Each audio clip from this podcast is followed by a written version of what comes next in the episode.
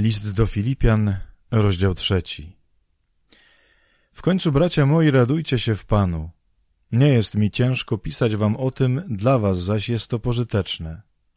Strzeżcie się psów, strzeżcie się złych pracowników, strzeżcie się okaleczenia.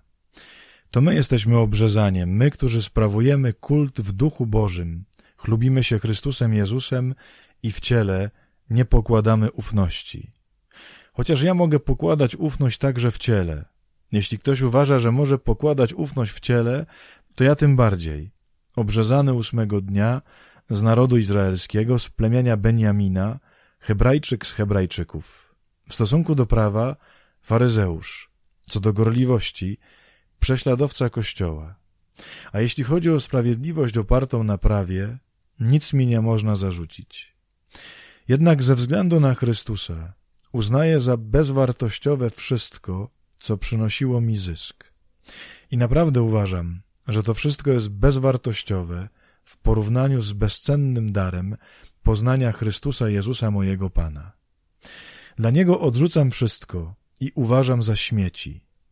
Pragnę tylko pozyskać Chrystusa i znaleźć się w Nim, nie w oparciu o własną sprawiedliwość pochodzącą z prawa, ale dzięki sprawiedliwości, która rodzi się przez wiarę w Chrystusa i której Bóg udziela na podstawie wiary.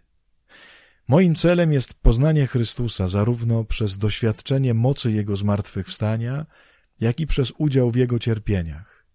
A stając się podobnym do Niego w Jego śmierci, dojdę w jakiś sposób do powstania z martwych.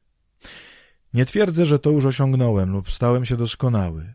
Usiłuję to dopiero zdobyć, gdyż ja zostałem zdobyty przez Chrystusa Jezusa. Bracia, ja nie wmawiam sobie, że osiągnąłem cel, ale jedno czynię.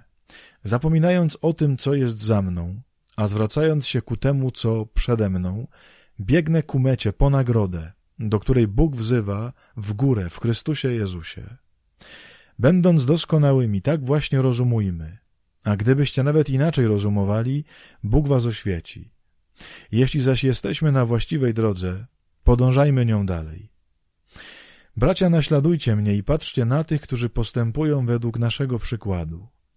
Wielu bowiem postępuje jak wrogowie krzyża Chrystusa. O nich często wam mówiłem, a teraz mówię za łzami.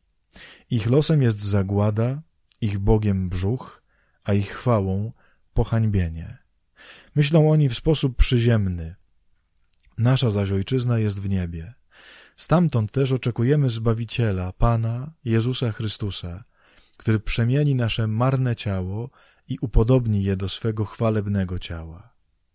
Dokona tego mocą zdolną wszystko sobie podporządkować. Koni to jest hymn uwielbienia Chrystusa ponad wszystko. Tutaj myślę jest tylko jedna, jedna myśl, jeden temat. Dla Pawła nie ma nic cenniejszego poza Panem Jezusem i zauważcie, jak Paweł pięknie pisze, że to poznanie Jego jest dla niego ważne zarówno w poznaniu mocy Jego zmartwychwstania, jak i w udziału w Jego cierpieniach. Paweł chce być blisko Pana Jezusa nie tylko w chwale, nie tylko w tym, co jest cudne w byciu z Jezusem, ale również w doświadczeniu całej trudności, całej też męki, jaka się wiąże z życiem, nie? I Paweł w tym wszystkim chce po prostu, żeby Chrystus był pierwszy. Pytanie, czy Chrystus jest pierwszy w Twoim życiu? Czy pragniesz tego? Wiem, że pewnie tak jak Paweł sobie powiemy, nie mówię, że już tam dotarłem. Chodzi tylko o to dążenie, o to pragnienie, o to, co mówi Paweł, że biegnie ku tej mecie.